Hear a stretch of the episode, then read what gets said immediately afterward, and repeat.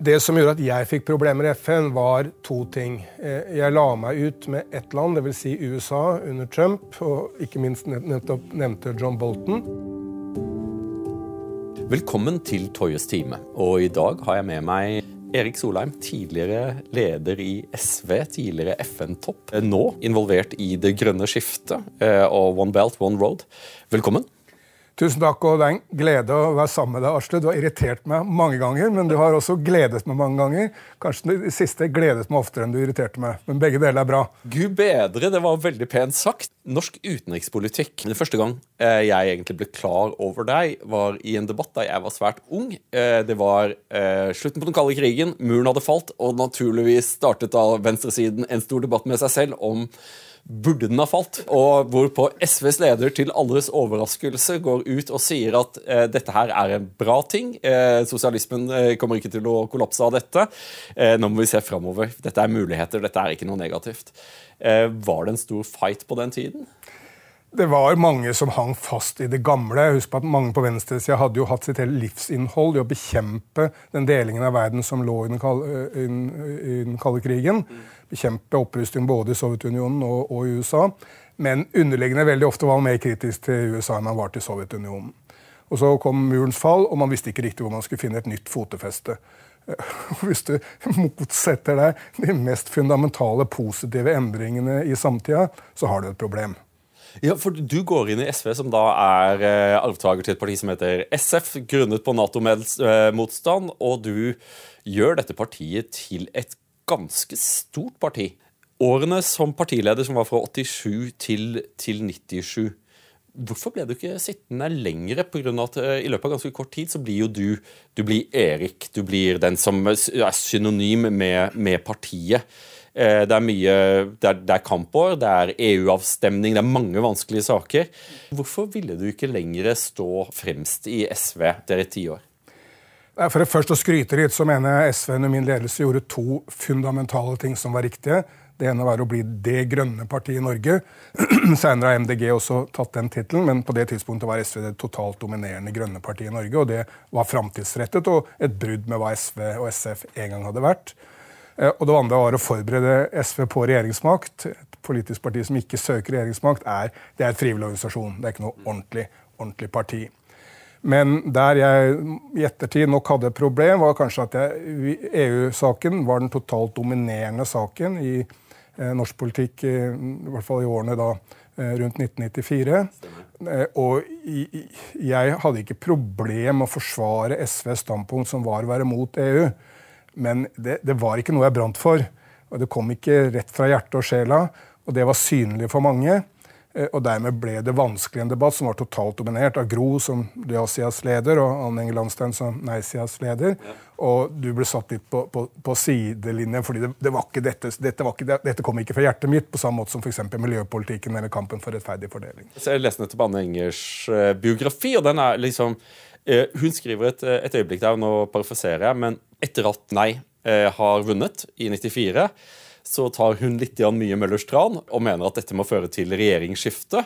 Og da kommer en viss Erik Solheim og gjør det klart at det har ikke vi diskutert. Du leder sikkert nei-siden, men nå er vi tilbake på, i stortingspolitikken. Og det ble jo en svært vanskelig sak for, for Anne Enger, for hun klarte jo ikke å komme seg ut av skyggen av den påstanden. Nei, og det, når jeg trakk meg som partileder, så var det jeg følte at vi måtte ha nye og friske krefter. og det vil si Kristin Halvorsen, og hun gjorde det helt fantastisk for å, for å komme tilbake igjen i den, i den, ledende posisjonen. En partileder som har vært med på et fall, kan komme tilbake, men det vil ta mange år. Ja. Og du kan komme mye raskere tilbake med en ny, som, som Kristin. Men i ettertid sett så er det jo morsomt å registrere hvor feil vi alle tok. I 1994 sa vi på nei-siden at vi må stå utenfor EU fordi vi kan ha mye høyere miljøstandarder hvis vi står utenfor EU. Eh, folk på ja-siden sa at nei, vi har så fine miljøstandarder i Norge, så vi må inn i EU for å påvirke, slik at EU kan bli like fantastisk gode som oss. Realiteten nå er jo at begge tok feil. Det er jo EU som driver norsk miljøpolitikk. EU er milevidt foran Norge. EU-kommisjonen er milevidt foran den norske regjeringen. Det er EUs taksonomi, EUs grønne såkalt New Deal, som driver miljøpolitikken i Norge. Så det er jo nå meningsløst at vi står utenfor. Vi burde være med og påvirke, men ikke som ja-sida sa den gangen, at vi skal påvirke for at EU skal bli så mye bedre, men vel så mye for at EU skal kunne påvirke oss til å bli mye bedre. Ja, altså, Men kjøper du den tanken om at, eh, at EU bygger opp et sett med miljøstandarder som også påvirker hvordan vi produserer og hva vi konsumerer, eh, men som er langt høyere enn de vi finner i USA og i Asia. Eh, for det er jo et slags veddemål da, om at vi setter industristandarder som andre kommer til å følge. Ellers så kan vi ende opp på en flåte der vi, vi, vi, vi vagger rundt og marinerte i lav økonomisk vekst og sosial ustabilitet pga. at eh, de fattige må betale for det grønne skiftet. Er du sikker på at dette er en god idé å gjøre dette regionalt og ikke globalt? Det er ingen måte vi kan få til globale regler på, gitt mistenksomheten mellom de største maktene. Jeg ser tre drivere av det grønne skiftet i verden. Alle begynner på B. Det er business. I nesten alle land ligger nå næringslivet langt foran eh, politikken. Det er Brussel som setter standarder og reguleringer som ofte så blir globale. Og det er Beijing, Kina, som jo, jo, nå er ledende på nær hver eneste miljøteknologi. er det Kina som, som ligger front, og det er Kina som skaper gjør det i skala. Eh, så det er i aksen politisk mellom Beijing og Brussel at verdens miljøframtid vil bli formet. Det er ditt syn. Og, for du jobber jo nå for kineserne, og det har du blitt mye kritisert for i Norge. Jeg tror da på at ditt miljøengasjement er genuint, og jeg tror da også på at uh, den tanken som ligger bak om at Dersom ikke Kina er med, så kommer ikke dette til å skje. Og dessuten, by the way, så ligger Kina langt foran oss eh, på faktisk produksjon av vindmøller og, eh, og klimateknologi. Og, det, og, vi kan ikke avskjære oss fra, fra, det. Er det vanskelig å stå i den posisjonen i Norge i dag? At Kinas varemerke har jo blitt mye dårligere de siste, i de senere årene. Det må man kunne si. Først og alt, Jeg jobber ikke for Kina, men med Kina. Eh, vi har en global koalisjon for å få de kinesiske utenlandsinvesteringene til å bli grønnere. Og vi har jo hatt gigantisk suksess. Eh, I fjor eh, erklærte president Xi at Kina vil nå stoppe alle internasjonale kullinvesteringer. Og du ser resultatet med en gang. De, de stopper. Og, men selvsagt, når Kina ikke kan investere i kull, så vil Kina investere i vind og i sol og i grønn hydrogen. Og ikke bare det, men Indonesia, Sør-Afrika og alle de som ja, har nytte av kinesiske investeringer, de begynner å be Kina om det. Så dette går veldig fort i en positiv retning. Og Kina er nå så dominerende i alle miljømarkeder at ikke vi, hvis ikke vi står opp tidlig om morgenen i Europa, så er det vi som blir de store taperne. 80% av alle solpaneler i verden ble laget i Kina. 80% av all uh, vannkraft som kom inn på nettet i fjor, kom inn i Kina. I fjor laget Kina mer vindkraft enn hele resten av verden gjorde fem år før det til sammen. 99%, 99% av alle elektriske busser i verden kjører på kinesiske veier. Og når Tesla selger deg en elektrisk bil, så er det nesten sikkert batteriet laget i Kina. Og batteriet er omtrent halvparten av verdien av den elektriske bilen. Så ja da, det gjøres, Elon Musk og Tesla gjør masse fantastisk arbeid.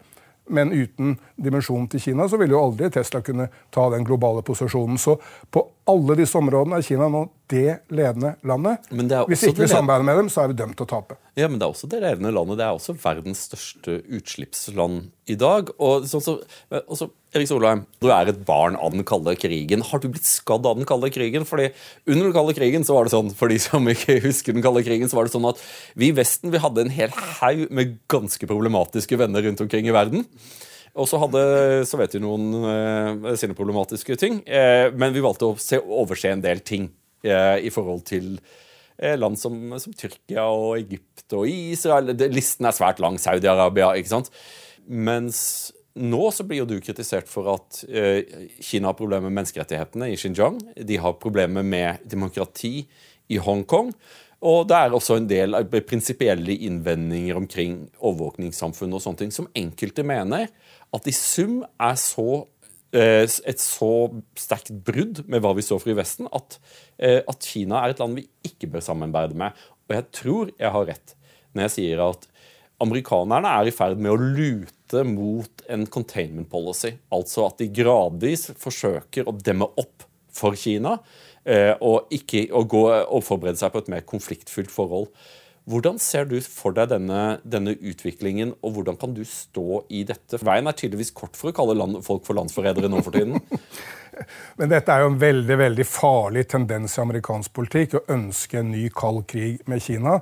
Og Husk på at det er ingen land utenfor USA som ønsker dette. Eh, Donald Trumps sikkerhetspolitiske rådgiver John Bolton sa til det afrikanske statslederen han sa, dere må velge.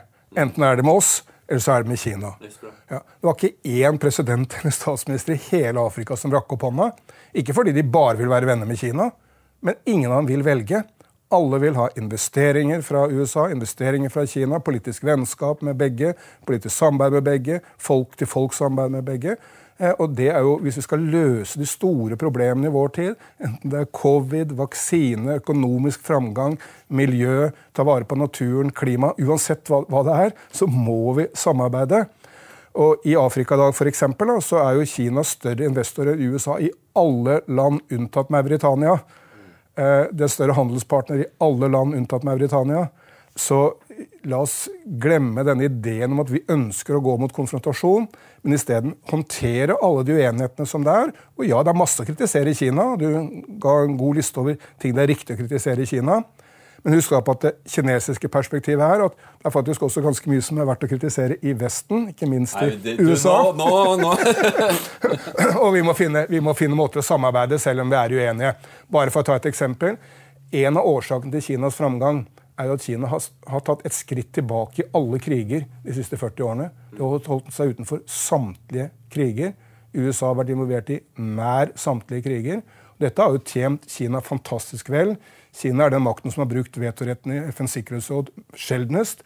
Og enten det er nå Irak eller Afghanistan Kina tar et skritt tilbake. Ukraina. Mens, absolutt, tar et skritt tilbake og prøver å stå utenfor og tenker dette er ikke vår krig. Og vi, vi Kina, er mer tjent med å stå utenfor. Mens USAs impuls er eh, hva kan vi bidra med, og hvordan kan vi gjøre noe der. Og Det kan hende at den kinesiske impulsen til å ta et skritt tilbake og stå utenfor er, til sjuende og sist er bedre enn den amerikanske impulsen til alltid å prøve å, å, gjøre noe, veldig ofte med militære midler. og Hver gang USA har brukt militære midler, har de jo feilet. Akkurat på samme måte som Putin jo nå feiler totalt i, i Irak. Det er ikke én krig startet de siste 100 årene Bortsett fra nasjonale frigjøringskriger av typen Vietnam, så kan ikke jeg tenke på én krig hvor de som startet krigen, kom ut som seierherre. USA kom ut som taper i Vietnam, Afghanistan, Irak. Så Russland kommer til å komme ut som taper nå i, i, i Ukraina. Hitler kom ut som taper i andre verdenskrig. Det samme gjorde japanerne. De som starter krigen, taper fordi de mobiliserer en motreaksjon av nasjonalfølelse, kampvilje, patriotisme. Eh, og når den har våpen i tillegg, så er den uimotståelig. Men hva vil du si til de som, som mener at Erik Solheim står fast i, eh, i 90-tallet. Da, da, var det mange, og de fleste statsvitere mente jo at den måten man burde uh, forholde seg til Kina, var å omfavne Kina, inkludere Kina. Og at dette ville føre til at Kina med tid og stunde ville bli Eh, et mer liberalt samfunn. Et, som, et, samfunn som tok til seg den vestlige seiersoppskriften av demokrati, menneskerettigheter, rettsstat eh, og markedsøkonomi. Men vi kan vel ikke si at Kina har blitt mer liberalt i takt med at Kina har blitt rikere? Nei, og det var jo helt åpenbart en feil tanke allerede da. Det det handler om, er ikke at vi skal gjøre Kina om slik at det blir som oss. Det er hvordan vi skal samarbeide med Kina, selv om de er veldig forskjellige. Kina er og vil med all mulig sannsynlighet i mange tiår framover, kanskje hundrevis av år framover, være et autoritært samfunn etter konfutsiansk modell. Det har jo ingenting med kommunisme å gjøre, men det er en sterk konfutsiansk tradisjon i Kina. Den går 2500 år tilbake. Og nåværende samfunnsmodellen i Kina er veldig veldig lik de gamle keiserstyrene, med et stort stort embetsverk, merittbasert, flinke folk kunne komme opp i, i topposisjoner. Og, og all, de fleste, Nesten alle kinesere mener at dette har tjent dem vel. Eh, det med all sannsynlighet kommer til å fortsette videre. Og Det er veldig interessant å sammenligne den amerikanske og kinesiske impulsen. Den amerikanske impulsen er vi vil at verden skal bli som oss. Hvis bare hele verden blir som Amerikas forente stater, så kommer til sjuende og sist hele verden til å bli veldig mye bedre. End of history. Ja. På den annen side er amerikanerne beredt til å ta kritikk. De er vant til kritikk. Om noen, noen kritiserer USA i Norge eller Kina eller Sør-Afrika, hvor som helst, Amerikanerne bryr seg ikke mye om det, for det er de vant til. Kina er helt omvendt. De har ingen idé om at hele verden skal bli som Kina. De vet at deres modell bare kan gjennomføres i Kina, for den går tusenvis år tilbake i tid. På den annen side, hvis noen kommer med minste lille kritikk av Kina, som f.eks. da Norge ga nobelprisen til uh, Liu Xiaobo, så går det helt opp i opp i, i, Hva heter det på norsk? Det går virkelig opp i grunnstilling for å slå hardt tilbake. Og du ser hvordan Kina skaper små, heldigvis ikke voldelige, men verbale konflikter med mange land på basis av minimal kritikk. Kina burde lære av USA i å tåle kritikk, og USA burde lære av Kina og ikke prøve å prakke sitt samfunnssystem på hele verden. Hvordan er det å samarbeide med kineserne? Er de, er de, er de interessert i å lytte til de innspillene du kommer med? Absolutt. Og la meg også si at Jeg samarbeider akkurat like mye med India som jeg samarbeider med Kina. Det er det jo en del av mine kritikere hjemme som helst ikke vil vite. Men jeg fikk et brev fra statsminister Modi, India, eh, Indias statsminister Modi her i vår som i bunn og grunn sa at jeg var Indias beste venn i Nord-Europa. Personlig brev fra han. Eh, og det er fordi at min innstilling til Kina og India at det er mange kritikkverdige forhold både i Kina og India, men de vil måtte løses av kinesere og indere. Hvis vi kritiserer dem, så vil det nesten sikkert bare gå, gå opp i nasjonalt forsvar. Det er bare å tenke på selv. Eh, da f.eks. utlandet begynte å kritisere norsk hvalfangst, var det sånn at vi tenkte oi, her er det mye interessant kritikk fra utlandet som vi må vurdere. Kunnskapsløsheten kunne ikke stå. Nei, Eller gikk vi sammen, alle sammen bak Gro Harlem Brundtland og Steinar Bastesen i et resolutt forsvar for hvalfangsten? Jeg... Og sånn akkurat på samme impulsen er det i Kina ennå. Hvis de blir kritisert fra utlandet, så slår de tilbake.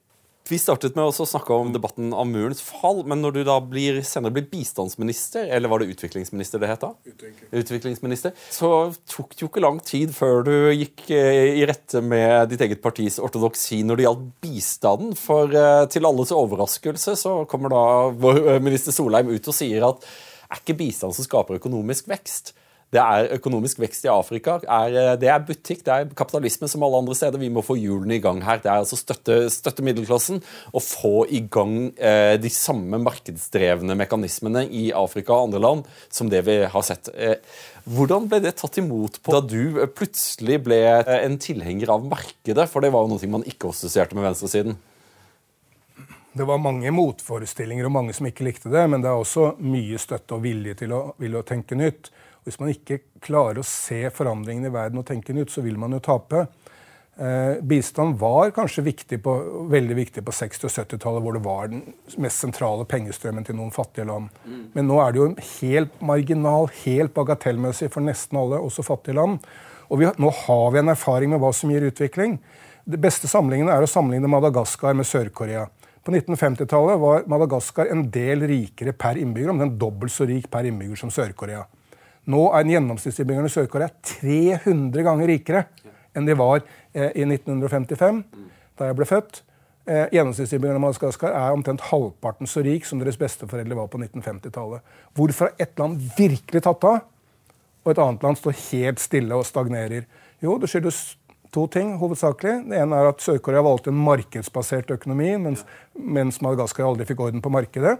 Og Sør-Korea hadde ja, de var brutale til tider, men gode, utviklingsorienterte, visjonære ledere. Mens Madagaskar hadde de aller mest håpelige, korrupte, innadvendte lederne. Nå, nå, lurer jeg på hvem jeg sitter og snakker med. for det, saken er at eh, Sånn som jeg kjenner SV, så vil jo SV alltid stå rede til å kritisere den type ledere. Eh, spesielt hvis du hører hjemme på høyresiden, noen ting de gjorde i, i, i Sør-Korea. Ja, Da jeg inviterte Sør-Koreas ambassadør til en konferanse vi hadde på, rundt på midten 90-tallet i SV. Det var en del motforestilling mot det, for de sa at ja, dette er jo høyreorientert og kapitalistisk. vil jeg sa, Det er kanskje det mest suksessfylte land i verden, hvis du sammenligner hvor Sør-Korea var for 50 år siden med hvor det er nå. Eh, Gjennomsnittsinnbyggeren er mye rikere, mye mer demokratisk. Og hvis du er så heldig å være en ung jente født i Sør-Korea i dag, så kan du i gjennomsnitt regne med å bli 90 år. Det er det høyeste forventede levealder i verden. Og hvis det er én målestokk på suksess, så er det vel kanskje det. For de fleste av oss vil gjerne leve så lenge vi kan. Da jeg vokste opp, så fikk vi slekta som kom på besøk til slektstreff fra Amerika, og de var så rike. ikke sant? Eh, Amerika var på mange måter det lovede land, men USA er ikke det lovede land lenger. Det trenger du bare ta, ta en tur 20 km utenfor bykjernen, hvor enn du er, og se hvordan amerikanerne lever. Jeg reiser jo mye både i USA og i Kina, og flyplasser, busser, tog All infrastruktur er nå mye bedre. Veier til og med er bedre i Kina enn i USA. Jeg har ikke vært i Kina for det pga. fredsprisen, men jeg var i Sør-Korea, og jo, det var jo et sjokk. for Det var som å komme til fremtiden. Eh, på gatene i, i Seoul. Eh, du kunne sette deg ned og spise lunsjen din fra, fra gata hvor som helst. Da. Og hvordan teknologiske løsninger er integrert i bybildet. Du fikk en følelse av å besøke Oslo om en 20 års tid.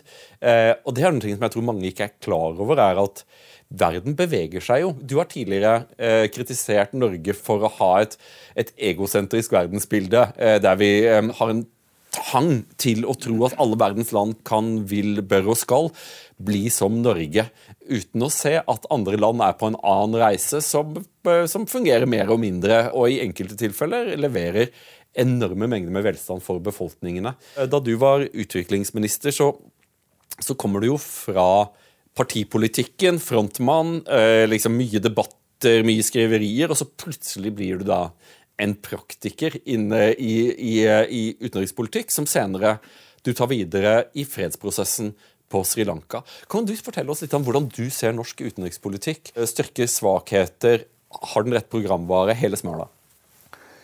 Jeg ønsker ikke å kritisere noen personer, men jeg føler at norsk utenrikspolitikk i dag er tafatt, litt stusslig. Litt, eh, er, vi ser veldig lite vilje til å, å, virkelig påvirke den store verden der ute. Eh, da Jonas Gahr Støre var utenriksminister, og også lenge før det, så var det veldig vanlig at amerikanerne sa at ja, men dere i Norge bokser jo langt over deres vektklasse. Det var fordi Norge var en sentralspiller i veldig mange fredsprosesser. Ja, men nå må jeg, nå må jeg, nå må jeg arrestere deg. for det, ja. liksom, Barack Obama kommer til Oslo så sier han Norge bokser sin over over sin vektklasse. Alle mediene dåner, og alle forsider har dette. Så, men man glemmer at to dager senere så er han i Dublin og sier at irene de bokser også sin over sin vektklasse. Og så glemmer man det at For jeg drev med boksing. Å bokse over sin vektklasse er noe du bør unngå. Jeg har gjort det én gang, og jeg har aldri fått så mye juling som da jeg bokset over min vektklasse. Jeg skjønner ikke hvorfor de bruker det metaforet. Nei, metafor er kanskje ikke perfekt, men også under George Bush, eh, som jo f.eks. sa at man skulle ikke samarbeide med terrorister, så han, han, han samarbeidet med Norge om å snakke med terrorister, da f.eks. Jan Pettersen var utenriksminister, ja. i nær alle land, fordi amerikanerne så seg interessert i dette. Eh, da vi drev fredsprosessen på Sri Lanka, så hadde vi tett samarbeid med Richard Armitage, som da var amerikansk viseutenriksminister.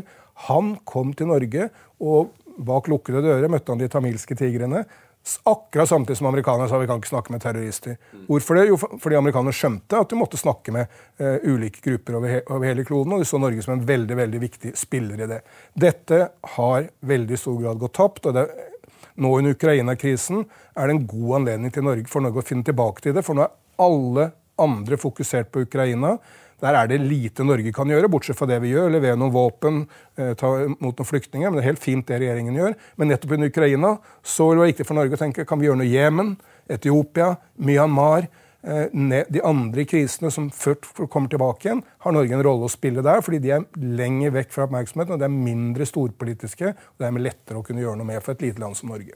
Men det, vel, det var jo litt annen kontekst. for På, på, på 90-tallet var Jonas Gahr Støre utenriksminister. Nå er han statsminister. Og en statsminister med mye interesse for utenrikspolitikk. Tror du at det er vanskelig å være utenriksminister for Anniken Huitfeldt under Støre? Nei, Jeg vil ikke gå inn på noen kommentarer om, om de enkelte personene. For det, de, er, de, er, alle venner av meg, eller i hvert fall gode bekjente av meg. så det, det vil, jeg ikke, vil, jeg ikke, komme inn på. Men jeg vil nevne to områder hvor jeg føler at norsk utenrikspolitikk og i dag svikter. Det ene er forståelsen av det 21. århundre. Hvor marginalt FN er i det 21. århundre.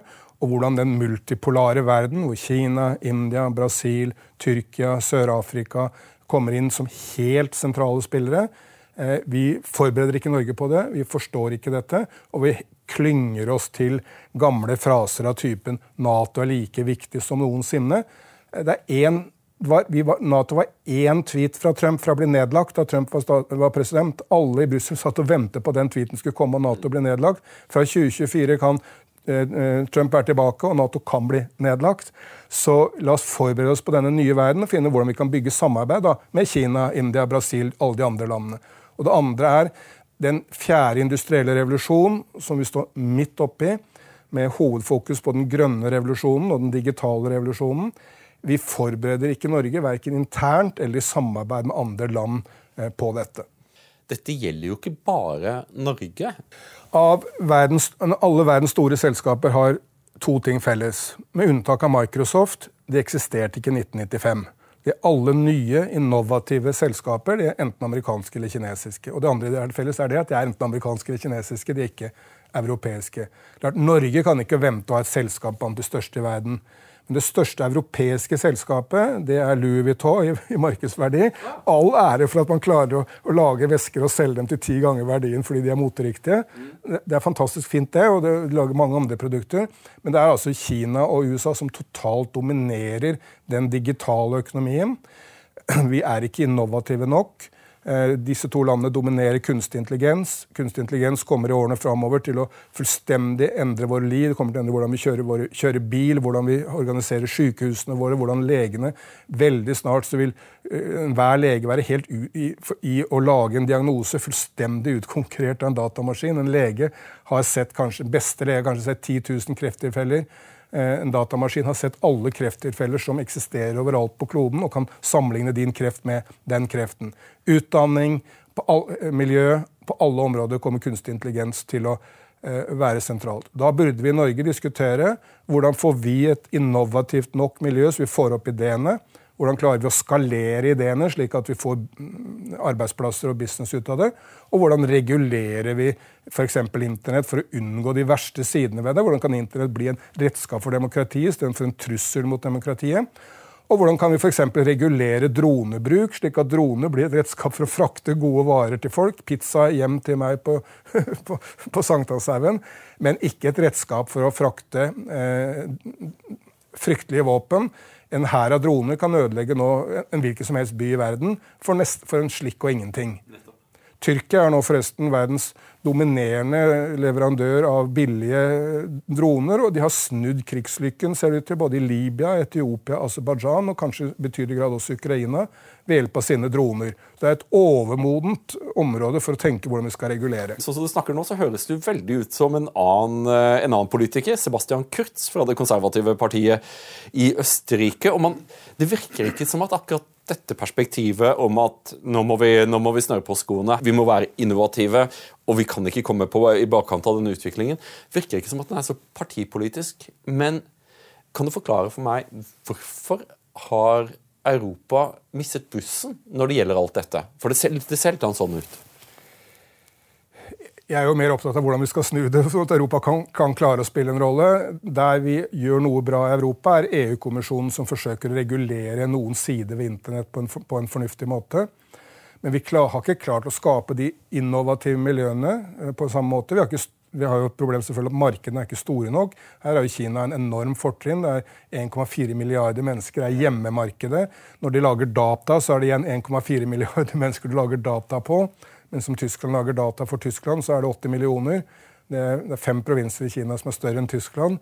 Så Det er klart at vi, vi, har noen, så det er jo bare hvis Europa står sammen, tenker Europa, at vi kan være en reell konkurrent til Kina på den ene siden og USA til den andre. Hvert enkelt land i Europa er altfor lite som marked. Eh, og vi, vi klarer ikke å være innovative nok, vi klarer ikke å regulere noe hvis vi ikke gjør det sammen. Men dette spiller jo rett inn i en pågående debatt i SV. Du er jo ikke medlem av SV lenger, du er medlem av MDG, så jeg kanskje jeg kan lure deg ut på det. For dette har vært en opprivende debatt om Nato-medlemskap i, i, SV. Og jeg skal ikke stille deg et altfor vanskelig spørsmål. Eh, tror du at SV nå er i ferd med å gi opp eh, en verdifull ressurs når de går bort ifra eh, saken som partiet ble stiftet på, altså Norge ut av Nato? Når de nå eh, synes å dreie seg mot en pro norsk Nato-medlemskap? Jeg mener at SVs debatt om Nato er egentlig ganske likegyldig. For den har ingen betydning for Nato. Nato kommer til å være akkurat det samme uansett hva SV mener. Og det kommer ikke til å ha noen betydning for Norge, for nær alle andre partier er for Nato-medlemskap uansett. Så SVs debatt om Nato har egentlig bare betydning for SVs indre liv. Derimot SVs debatt om EU den har stor betydning for Norge, og kanskje til og med betydning for Europa. Du mener at de bør lande i et ja-standpunkt? Ja. Nå så vi den danske enhetslisten, som jo er likt Rødt eh, i, eh, i, Rødt i Norge, komme ut med en vesentlig mer positiv holdning til EU. Og for alle de tingene som er viktige for SV, enten det er miljø, det er rettferdig fordeling, det er regulering av storkapital, det er regulering av internett, alle disse temaene, så er det bare Europa det kan skje i. Det kan ikke skje i nasjonal ramme. og Derfor ser du også at i Europa, utenfor Norden, så er det jo knapt et eneste venstreorientert parti som er mot EU. Det er Motstand mot det er totalt dominert av den, av den europeiske høyresiden. Fører ikke det til et annet problem? For når vi så på valget som i, i fjor, det var et veldig underlig valg eh, der Vinnerloddet kom opp. Eh, dette skulle være et miljø- og klimavalg. Eh, SV gjør et greit valg, men et skuffende dårlig valg i forhold til hva de hadde, hadde håpet på. Og for MDG så klarte de ikke sperregrensen. Er ikke hva du råder til, oppskriften for at en mengde med små partier blir låst med å konkurrere om urbane caffè latte-drikkende velgere, og så mister man distriktene? For det var jo det SV gjorde i dette valget. SV har jo vært et, et riksparti. Eh, men, men, man mistet periferien, på sett og vis. Eh, er det ikke en fare dersom man legger seg på en pro-EU-linje, at man gjør kløften enda dypere mellom by og land? Jeg tror eh, at vi må analysere grundig hva, hva, som skjedde i valget i fjor høst. Men mitt hovedperspektiv er følgende. La oss nå anta at det ble et valg i Norge hvor innvandringspolitikk sto topp på dagsordenen. Mm. Og Frp gikk tilbake ved det valget. Uakseptabelt. Er, er, men er det tenkelig? Det er ikke tenkelig. Det er ikke tenkelig. Dette var det første valget i norsk historie hvor miljø var hovedsaken. Jeg kjempet fram, som Arne Fjørtoft, miljø fra Venstre den gangen, miljø som en sak på dagsordenen i valg tidligere. Men ikke, da måtte vi kjempe med mediene for å få lov til å snakke. De ville nekte meg å snakke om, om klima og miljø i partilederdebatten, for det er en ikke-sak. Her skal vi snakke om ordentlige saker. Dvs. Si skatt og økonomi og forholdet mellom Høyre og Arbeiderpartiet. Og sånn. Ja, ja. Og, og, så kommer den enorme gavepakken til miljøpartiene. at For første gang er miljø hovedsak for alle. Ja. Og så går de tre miljøpartiene, MDG, SV og Venstre, til sammen tilbake. Hvorfor? Jeg ser to grunner, to hovedgrunner. Det ene var at de var konstant på et negativt budskap. Alt vi ikke kan gjøre. MDG spesielt. Med spesielt, ja. Istedenfor alt vi kan gjøre. Det handler ikke om akkurat da, sluttdato for olje, men om de enorme mulighetene i batteriproduksjon, grønn hydrogen, havvind, og, og, og gjøre folks liv bedre og lykkeligere og, og, flottere ved å skape en delingsøkonomi, bytteøkonomi, eh, for, eh, resirkulere varer. Det er fantastiske muligheter for et bedre liv og for, for flere arbeidsplasser. Så, og på et positivt budskap. Og det andre, akkurat som du sier, man skapte et inntrykk av at miljø egentlig er noe for unge mennesker i byene. Mm. Og MDG var nærmest et rent byparti. SV hadde også nå en mye større prosentandel av sine velgere i Oslo og store byer enn de hadde i gamle dager. så var Fylker som Nordland, og Hedmark og Telemark var veldig sterke SV-fylker. Det er det ikke lenger. Så man trenger en grundig tenking om hva det er som gjør at ens politikk ikke fenger utenfor Oslo, Bergen og Trondheim. Og igjen, jeg tror igjen det er fordi man har et budskap om at man ikke kan gjøre. Selvsagt kan man kjøre elektriske biler på, eh, på bygda. Alle arbeidsplasser i grønn hydrogen eh, og havvind begynner å komme i Distrikts-Norge. Det er jo ingen som kommer til å anlegge grønn hydrogen på, grøn, Grønland, på Grünerløkka eller, eller, på Frogner. Nei, nei. Eh, og man henger også fast i gamle budskap, som om det viktigste for næringslivet i distriktene er postkontor. 5G er jo mye viktigere for dem. Men jeg sitter igjen med et inntrykk av at, at man ikke er villig til å ta konsekvensen av sin egen tenkning. Du kan ikke være for det grønne skiftet og være mot atomkraft, mener jeg. Du kan ikke være for det grønne skiftet og være mot gruvedrift. Eh, Pga. at eh, Kina har investert altså Man kan jo kritisere så mye man vil, men hvis du skulle spilt spillet en gang til, så ville du gjort som Kina. Kina har investert og har tatt, uh, tatt kontroll over en betydelig andel av verdens rare earth minerals, som er avhengig for mobiltelefoner, vindmøller, tabletter Allting som er i det grønne skiftet, er avhengig av denne ressursen, og kineserne har mesteparten. Men en del ligger begravd under jorda i Norge.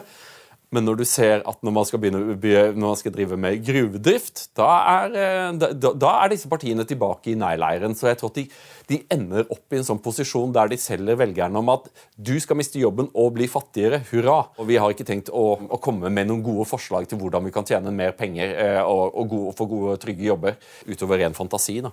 Hva sier du til det? Jeg sier at vi må ha en rettferdig omstilling. og Det, det er det fundamentale. for Ellers så sitter du igjen det, grønne skiftet vil skape mange flere arbeidsplasser. Skape mye bedre liv for det overveldende flertall i USA, i Europa, i Kina. Men hvis du er en gruvearbeider i Kentucky eller West Virginia, så er det ikke opplagt at du syns det er flott eh, med det grønne skiftet. fordi du tenker at oi, med alle arbeidsplassene i solindustrien, men de kommer i Arizona og i, og California. Og samme i Norge også. Folk på Vestlandet som har vært veldig sterkt knyttet til oljeindustrien, kan være i prinsippet positive til det grønne skiftet, men tenke at det er noen andre som vil få arbeidsplassene. Og Det er helt parallelle mekanismer. Både Kina og India, noen provinser er veldig langt framme, og noen henger mer tilbake. Så du trenger en politikk hvor du skaper hvor du virkelig har en dialog med folk om hvordan vi kan få til det grønne skiftet. Hvordan du kan lage fonds for omstilling, hvordan du kan lage treningsprogrammer for de som må omstille seg til en ny økonomi, og hvordan det store flertallet kan være med på dette skiftet. Hvis du ikke har den dialogen, eh, så vil du tape.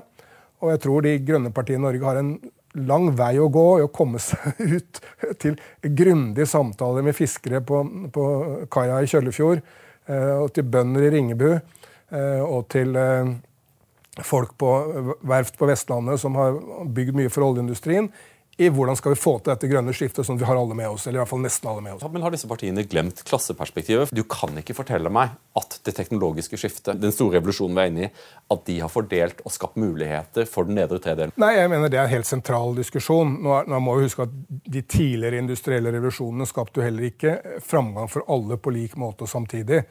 Eh, det var tapere og vinnere da, da, man begynte å lage spinnemaskiner i Storbritannia eller jernbane i USA. Ja, sant? Eller når den digitale revolusjonen kom på 90-tallet. Det, det, vil det alltid være, men det handler om å få så mange som mulig med seg. Og på, med sosiale systemer som gjør at man ikke, eh, ikke for mange taper. Men det var f.eks. Eh, veldig positivt når jeg så det kinesiske bilselskapet Didi. Det er en tilsvarende Uber i Kina, bare at det er veldig mye større enn Uber. Eh, de hadde egne programmer for gruvearbeidere for hvordan de kunne komme inn og kjøre, kjøre Didi, enten permanent videre i livet eller en overgangsfase mens de så på eh, andre, andre jobber. Og EU-kommisjonen har jo også her langt foran mange regjeringer i Europa i å tenke hvordan kan, EU kan lage regionale fond for de områdene som trenger omstilling mest, og også individuelle pakker for den enkelte. jeg, jeg kjenner at jeg begynner å klø når du snakker om individuelle fond. Vanskelig å administrere, skaper mye korrupsjon, men du men, jeg, da, da, skal jeg si at no, noe Tenk på hvordan du kan få tingene direkte til, til, den enkelte innbygger. Og Her er det et land vi virkelig kan lære av nå, og det er India. Mm. Statsminister Modi, som jo nesten bare får negativ presse i Europa, han har gjort store positive ting i India, i det grønne skiftet. Han leder det hele tida. Men han har gjort en virkelig stort grep. og Det er å lage støtteordninger hvor pengene går rett til de fattige. Gjennom biometriske data. Det er imponerende. Du har mobil, alle har en, data, eller har en konto på, på, mobilen. Der kommer pengene inn. Jeg mener, I gamle dager så ville uh, staten sende pengene til provinsen, som sender pengene til fylket, som sender pengene til landsbyen, som sender pengene til uh, Atle Toje på landsbygda, som er en fattig bonde. Min bror Atle. Ja, Asle, Asle, Asle Toje. Men eh, hva alle vet 90% forsvant på veien. Nesten ikke noe kom fram til Asle Toje. Nå sender Maud dette direkte inn på din konto. Ikke bare det. Han prioriterer kvinnene fordi han vet at de er mer tilbøyelige til å støtte familien og på andre måter, og fordi kvinner tradisjonelt i India ikke hadde engang en bankkonto. Så nå går, Det er ikke, ofte, det er ikke alltid store beløp, men er du veldig veldig fattig i India, som du får 1000 rupier i måneden, så er det en kjempeforskjell. Og folk vet at det kommer rett inn på din konto. Og det er selvfølgelig billettmerket Narendra Modi, så han skårer jo selvfølgelig store poeng på dette også politisk. Og ligger jo meget vel an til gjenvalg i 2024. Jeg tror at han kommer til å bli gjenvalgt så lenge du og jeg lever, har inntrykk av. Men du, så jeg leste boka di eh, fra 2013, eh, 'Politikk er å ville'. For du kommer inn eh, som, som utviklingsminister. Du inntar posten med stor energi. Du reiser mye og du skaper politikk. Hvordan ble det mottatt i UD? Fordi UD er jo sammen med Finansdepartementet liksom et av de departementene som, som liker å ha god kontroll på ministrene sine. Jeg opplevde at det ble veldig vel mottatt av de fleste. Eh, det var ett unntak fra som jeg kan komme tilbake til, men i store og det hele er folk veldig UD, departement, Alle departementer de er veldig veldig glad når de får en minister som driver sitt samfunnsområde framover, som de ser i media, som de kan snakke til. Så uh, embetsverket i store og det hele de, i Norge elsker aktive, sterke ministre. Der det var et problem med Utenriksdepartementet, det var å forstå privat sektor. Næringsliv. For det er ikke bistand. Hadde det vært bistand som drev utvikling i verden, så ville jo Tanzania være verdens rikeste land. Ja, ja. Det er Den, sånn- eh, en, av de norske bistandsyndlingene. Ikke sant. Og jeg tror ikke jeg har truffet noen i Utenriksdepartementet i Norge som har jobbet fem år i en privat bedrift. Nei. Det er noen som har det kan hende det jeg ikke kjenner det, men det er folk som har sommerjobb i en privat bedrift, noen som kjenner noen i en privat bedrift. Men de har bare aldri jobbet der. De klarer ikke å se det perspektivet. Jeg startet f.eks. et initiativ som het Energi pluss, som var for å bruke at norsk næringsliv skulle virkelig, vi skulle finne ordninger for å garantere for norsk næringsliv, sånn at de kunne investere mer i solenergi, vannkraft, vind osv. i utviklingsland. Ja, For det fungerte vel egentlig ganske bra? Det, vi slet med det fordi tankegangen i departementet var at først skal vi kloke, velmenende mennesker i departementet lage et system. Når vi etter et år eller to har kommet ut av vår prosess og laget det, så skal vi gå til næringslivet og, og fortelle om det. Ja. Istedenfor å tenke oi, her må vi fra første dag ha med Skatec, vi må ha med Statkraft, vi må ha med Aker, vi må ha med alle de som faktisk kan gjennomføre dette. Eh, og, og, de må være med i tenkingen. Og de er det rette til å fortelle oss om hva er f.eks. de garantiordningene som skal til for at Skatec eller Statkraft kan investere veldig mye mer i vanskelige land. Ja, Hvordan gikk det med investeringene i vanskelige land? Nei, det, det, gikk ikke så bra som jeg hadde håpet. Eh, og en hovedgrunn til det var akkurat dette, vanskeligheten med å få den nok privat sektorforståelse. Og dette er ikke bare Utenriksdepartementet. Vi har jo fortsatt en, hatt en rådende ideologi, ikke minst i Finansdepartementet i Norge, at man skal ikke drive, eh, skal ikke drive aktiv industripolitikk, aktiv næringspolitikk. Det er jo helt feilslått. Og igjen for å holde opp India som eksempel. India har nå en høyreorientert, på papiret regjering av et parti som opprinnelig var fra de rikeste høykastene. Opprinnelig et totalt mannsdominert parti. Hva slags industripolitikk har de? En veldig aktiv grønn industripolitikk for å sørge for at India snart kan produsere solceller, batterier, komme frampå med grønn hydrogen. Og du vet at disse tingene skjer bare hvis staten regulerer, subsidierer og ikke minst skaper markedene sånn at det er noe å levere til. Og Den tankegangen er vi slitt med å få fram i Norge. Vi, vi trenger politiske ledere som ikke driver den tanken på en grønn industripolitikk framover. Dette var noe jeg diskuterte med... Det er jo rart at et høy, såkalt høyreorientert land som India gjør dette mye bedre enn vi gjør. Vi har ventet og ventet på India som vi har ventet på Godot. Liksom, når, skal, liksom, når skal vi få se de tosifra vekstratene eh, som vi regner med at, at, som vi har sett fra Kina? Men det har liksom ikke helt skjedd i India. Det står vi nå rett foran at det løsner? For jeg, jeg er jo kjempeglad i India, i likhet med deg. Jeg har vært i India mange ganger. Og de siste gangene så får man følelsen av at hele landet dirrer. Eh, av, av virkekraft og innovasjon. Og det er, en, det er, det er liksom et land som første gang jeg besøkte det, var preget av en sånn en sånn stillstand. En ku som står på et gatehjørne og tygger drøv liksom, mens en rickshaw kjører forbi. Mens nå så har du eh, en, en, følelse av at fabrikkene springer opp, og byene, eh, og byene, bygges raskere enn du klarer å lære navnene på dem. Men kommer dette til å, eh, til å bli en, en kinesisk vekstmodell? Jeg tror det vi ser i India nå, er veldig mye av det samme som vi så først i Singapore og Sør-Korea, senere i Kina og etter hvert i Vietnam. Eh, nemlig et sterk politisk lederskap med en utviklingsorientert som pusher og dytter og drar utviklingen hver dag og time. Med et veldig vibrerende næringsliv. Jeg kommer akkurat fra, jeg ledet et panel i Barcelona denne uka. og Der var en del av de største aktørene i sol- og eh, grønn hydrogenvirksomheten i India.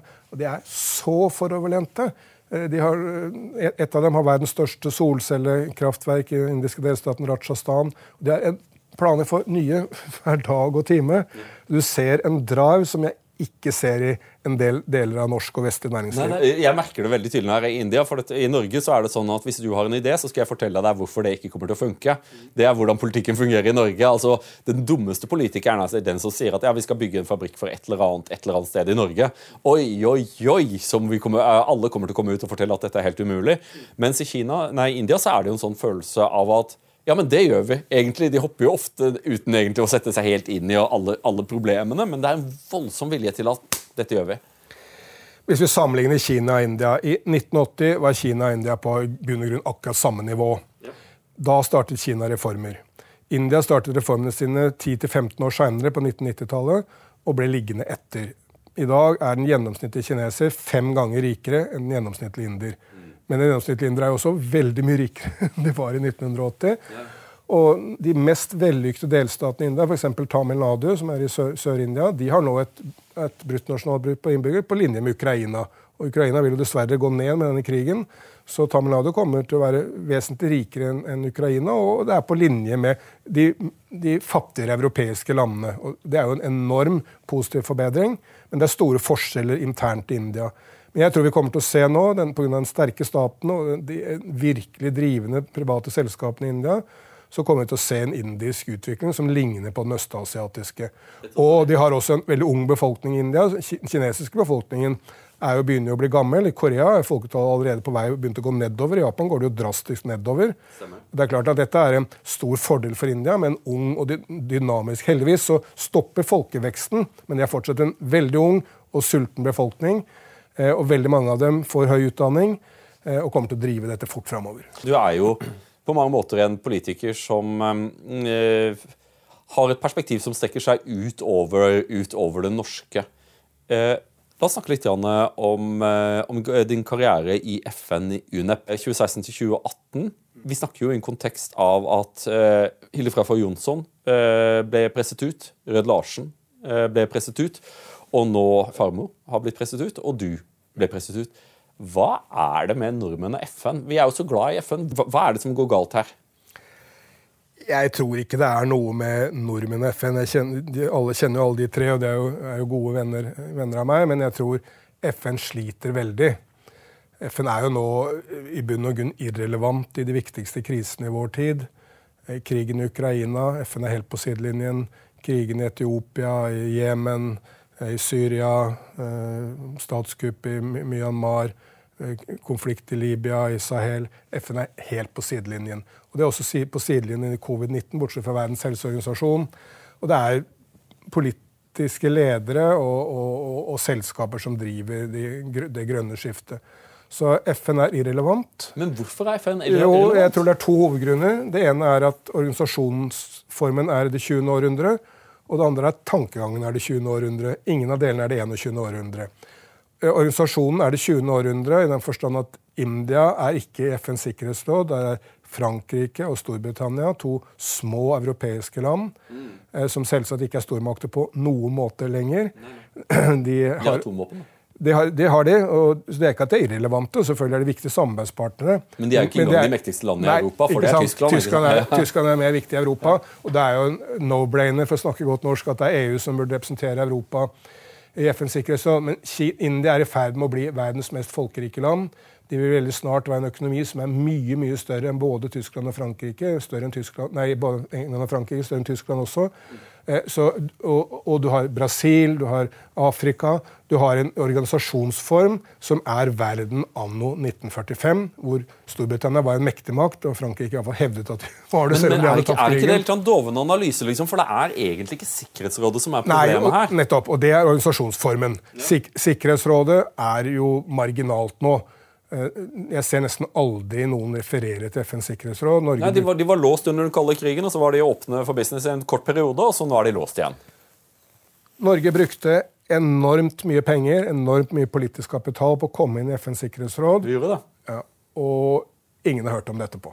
Jeg etterlyste jo en, en, agenda for hva er det vi forsøker å oppnå i FNs sikkerhetsråd. og Det ble liksom en del slagord om kvinner og fred og klima og sånn. Men, eh, men, det var jo ikke noen klar agenda der. Jeg tror nok at, eh, at, vi skal være glad når det er over også. Det var som en sportskonkurranse. Du, har, du vil gjerne vinne fotballkampen eller gå fortere på ski enn, enn de landene du konkurrerer med. Ja. Men du hadde ingen tanke om hva vi skulle der. Og når vi først er der, så er det ingen som eh, er interessert i det, og vi utretter ingenting av betydning. Men den, den andre, kanskje viktigere feilen med FN er at man henger fast i den gamle tankegangen. Man henger fast i det 20. århundret, hvor f.eks. bistand kanskje i en periode var viktigste kilde til utvikling, mm. mens vi alle vet at det ikke er det. Det er en stor motvilje mot, mot næringsliv og private selskaper i FN. Man klarer ikke å få dette til. Men Det var jo der, der Faremo falt? Absolutt. Og jeg kan bare illustrere det veldig godt. Denne uka så var jeg på et grønn hydrogen verdenskonferanse i Barcelona. Der ble vi enige om en grønn hydrogenstandard for verden. Dette var jo ikke FN, dette var en koalisjon av vilje. Det var en god del land og regjeringer som var der. Var Norge med? Eh, ikke på regjeringsnivå, men Aker eh, ved Christian okay, ja, ja. Røkke var der. Og store selskaper, Hundai fra Korea, ThyssenKrupp fra Tyskland, Envision, som er Kinas største vindkraftselskap, f.eks., de, de var der. Så her, dette drives fram altså selskaper og av regjeringer. Men det er to grunner til at dette er mye sterkere enn FN. Det ene er at du trenger ikke vente på de som er sist. Du skal lage en grønn hydrogenstandard, og du skal ha med deg Saudi-Arabia. Eh, du sliter fordi deres interesse ligger ikke i å drive det grønne skiftet raskest fram, men f.eks. å få godtatt hydrogen basert på olje og gass som likeverdig med den grønne. Så det at du De som vil det, bare gjør det, er mye sterkere og mye lettere å få til enn i FN. Og det andre er at dette var jo ikke, dette var jo ikke en forhandling mellom regjeringer. Det var Drivkraften var næringslivet, og regjeringen var med. Og dette er det 21. århundre. Det kommer til på en helt annen måte være drevet av den typen koalisjoner av vilje. Det var et begrep som George Bush skapte, men det er, ja, ja. Det er, det er et godt, eh, godt, begrep likevel. Hvor næringsliv, frivillige organisasjoner og regjeringer går sammen og ikke venter på de nasjonene og selskapene som ligger bakerst i køen. Du trenger ikke å ha med Exxon for å lage en grønn eh, hydrogenstandard, Nei, men, fordi men, Hundai og ThyssenKrupp vil gjøre det. Jeg, men jeg forstår alt dette, så, så, Jeg er ikke sikker på om det var Bush. Eh, det var, jeg lurer på om det også var Bolton. Eh, det, etter at han var i Afrika, så sa de jo liksom at Bolton kunne skrive en bok om 'How to lose friends and alienate people'. Det fungerte ikke noe særlig bra med Bolton i utlandet. Men så, så, hva om jeg sier følgende om FN? at Problemet med FN er at initiativ er farlig. Hvis du har en idé, så bør du holde munn den, øh, om den. Og det viktigste øh, innsatsen hvis du skal leve lenge i kongeriket FN, er å aldri stikke nakken ut, aldri vise, vise initiativ. Og hvis du viser for mye initiativ, så kommer du til å falle. Er det en rimelig måte å beskrive det på, eller er jeg helt på jordet nå?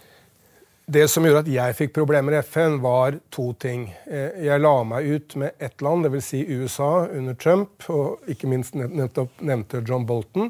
Men jeg hadde støtte av India, Kina, EU-landene, Russland, Latin-Amerika, Afrika. Støtte av alle andre, men i og med at USA er viktige, så, de, så hadde jeg problemer fordi de, de mislikte hva jeg gjorde. Eh, og de mislikte f.eks. For fordi jeg samarbeidet så mye med India og Kina. Eh, og jeg la meg ut med en del ansatte i organisasjonen fordi jeg sa at her må vi reformere. Vi, vi, kan ikke ha fokus på det indre liv, vi må ha fokus på verden der ute. Mm. Hvis ikke vi gjør noe for miljøet, for kvinnene i Addis Abeba, fiskere i Lofoten eller industriarbeidere i Detroit, det må ha betydning for noen. Mm. Eh, det kan ikke være at vi oppsummerte at i fjor hadde vi tre seminarer og skrev to rapporter. Hvis ingen leste de rapportene, det kan vi nå måle på internett, og hvis de seminarene ikke hadde betydning for verden. Og FN holder på med sitt indre liv, og folk følte truende og prøvde å vri organisasjonen ut, utover. Og da fikk du, men det, det, fler, det store flertallet av de ansatte syntes dette var flott og ville gjerne være med på den omstillingen. Men det var tilstrekkelig mange som ikke ville det, og de lagde store problemer ved å lekke negative ting til medier og skape kampanje mot meg. Du uh, må åpenbart være tøft mentalt, fordi du, du, har, du har stått i mange stormer. Hvordan var det å oppleve den, den prosessen innad i FN? At eh, det blir, det blir, skrevet en rapport, du får rapporten til, til, kommentar. Du hevder at i rapporten så er det en del direkte feil eh, og en del misforståelser. Eh, samtidig som at plutselig så tar hele, hele prosessen sitt, sin, får sin egen dynamikk, og så begynner ting å gå ordentlig fort.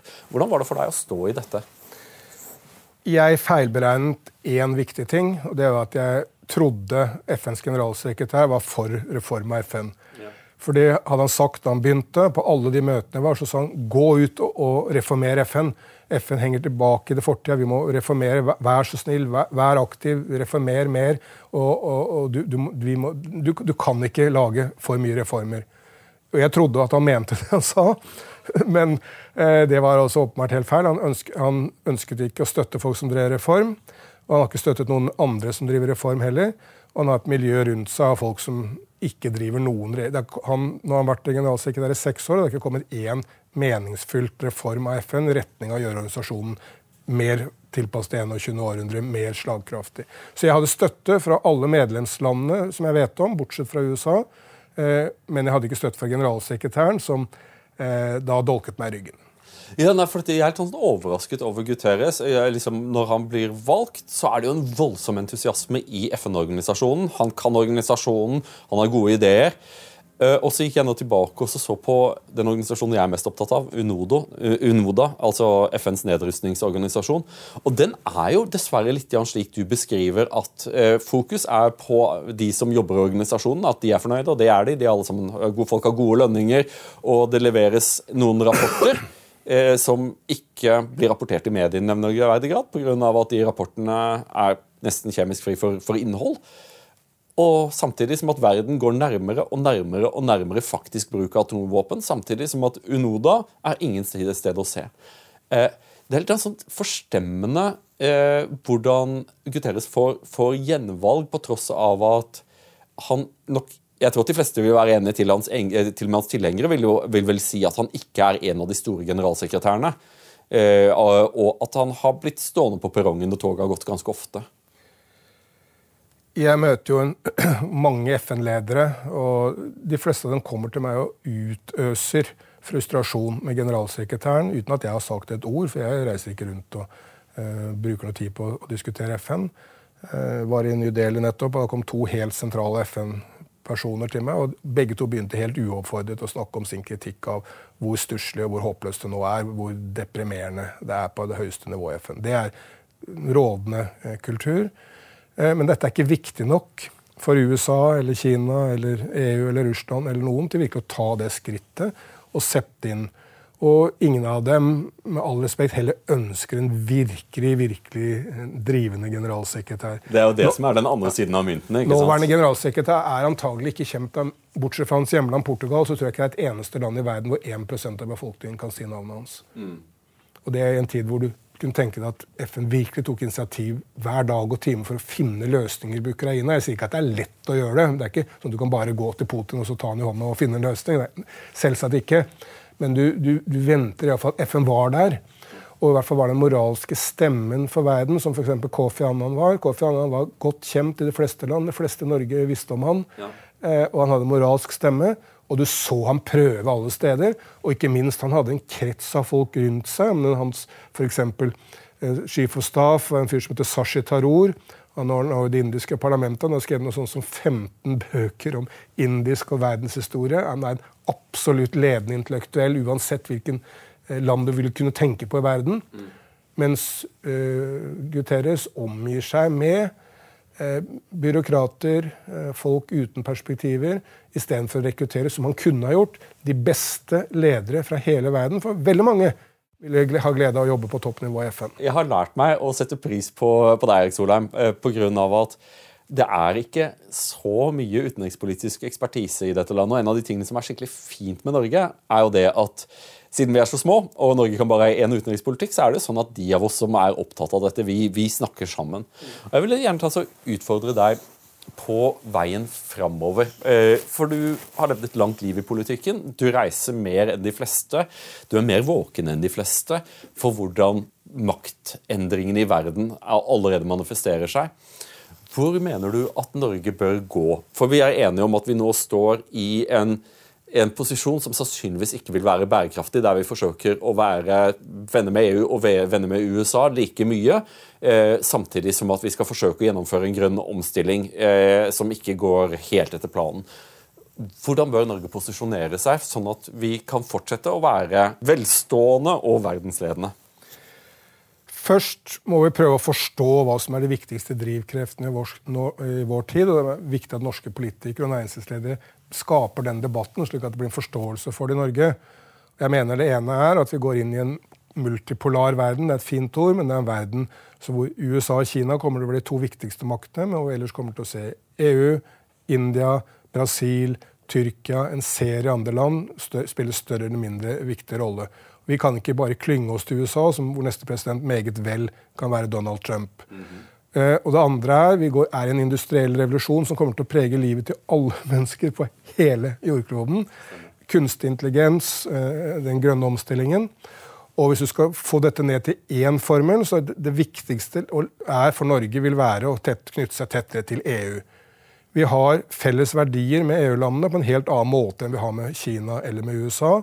Til USA med Trump har vi jo nesten ingen verdier felles med. Vi har atskillig flere med det USA under Biden. Men vi kan ikke i framtida basere det på at Norge skal være aleine tett på enten Kina eller USA. EU er den naturlige ankerfestet Så for veien til Norge. Beijing går gjennom eh, Brussel? Ja, den, det, vel, det er selvfølgelig masse man kan samarbeide med. Norske selskaper bør investere i Kina, bør invitere kinesiske investeringer i Norge, få raskest mulig til en grønn omstilling. Men hvis du skal håndtere Kina når det blir vanskelig, så er det veldig mye lettere gjennom EU. Ja, nei, men eh, jeg- kan forstå den.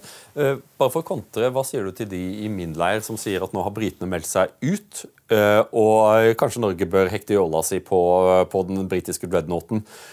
De er nok raskere enn det EU er. EU har jo ikke hatt nevneverdig økonomisk vekst de siste 20 årene. Er ikke ditt, din anbefaling at vi lenker oss til et lik her?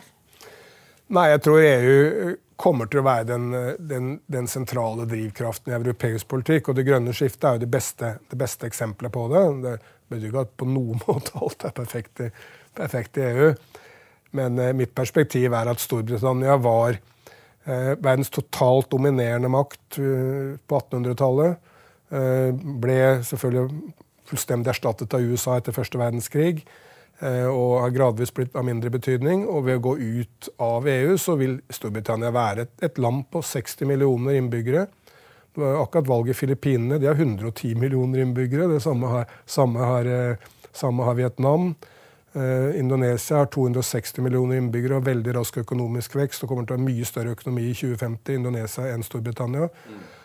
Så vi er på vei inn i Asias århundre, fordi 60% av verdens befolkning lever i Asia. Men også fordi det er de asiatiske økonomiene i Kina, India og Indonesia som kommer til å vokse, vokse raskest.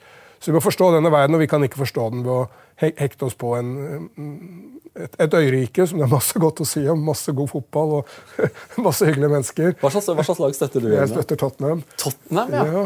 Det må være smertefullt å se hvor gode Liverpool er. Mitt lag. Liverpool gjør det veldig bra nå. Så Det var en fantastisk 1-1-kamp. Jeg må si at uh, Tottenham har noe stort på gang. Altså. Uh, jeg, jeg tror ikke at jeg har sett et, av, et lag som ikke er Manchester City, bremse ned Liverpool så mye. og Tottenham kunne jo vunnet den matchen. Absolutt. Men hvis vi snakker fotball og Europa, så det beste fotballag som har eksistert i menneskehetens historie, er trolig det tyske laget som vant VM i Brasil. Det, jeg tror jeg, det, er det når et klimaks som vi aldri kan aldri, Ingenting over, ingenting ved siden. Ah, det, du, du snakker nå om det mest traumatiske øyeblikket i brasiliansk historie. Absolutt. Tror jeg. jeg tror at de, de har tapt kriger med mindre smerte Jeg- enn den Hva var det 7-1 det ble? elsker Brasil. Det er et fantastisk vakkert land med utrolig flott folk. Men et fotballag à la Tyskland Husk på, De hadde ikke én Maradona eller Messi eller Pelé. Men det var elleve spillere som gjorde hverandre bedre hver gang. Hvis, hver gang én kunne score. Hvis Asle kunne skåre, hvis han så at Erik var 3% bedre plassert, så sendte han ballen videre til Erik. Jeg håper jeg antar jeg er en metafor for hvordan du ser et, eh, et europeisk samarbeid på sitt beste. Det er sånn det burde være, ja. Erik Solheim, det har vært en glede å snakke med deg i dag. Takk for at du kom. Tusen takk skal du ha, Asle.